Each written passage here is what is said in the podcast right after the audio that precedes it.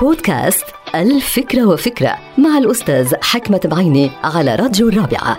قبل ما تجرح شعور الآخرين بأي كلمة مهينة جرب هالشي على نفسك. جربه.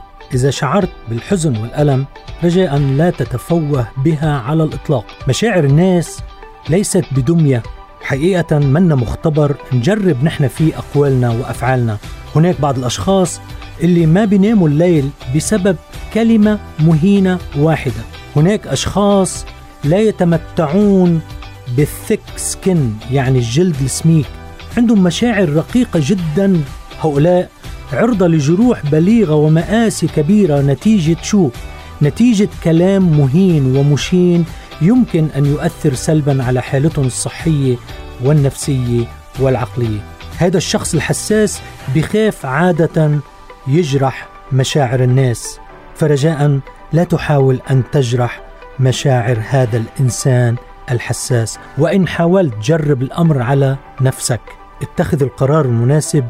نعم اتخذ القرار المناسب والعادل أي أن لا تجرح شعور الآخرين وخاصة الطيبين منهم. انتهت الفكرة. هذه الحلقة مقتبسة من كتاب الفكرة وفكرة.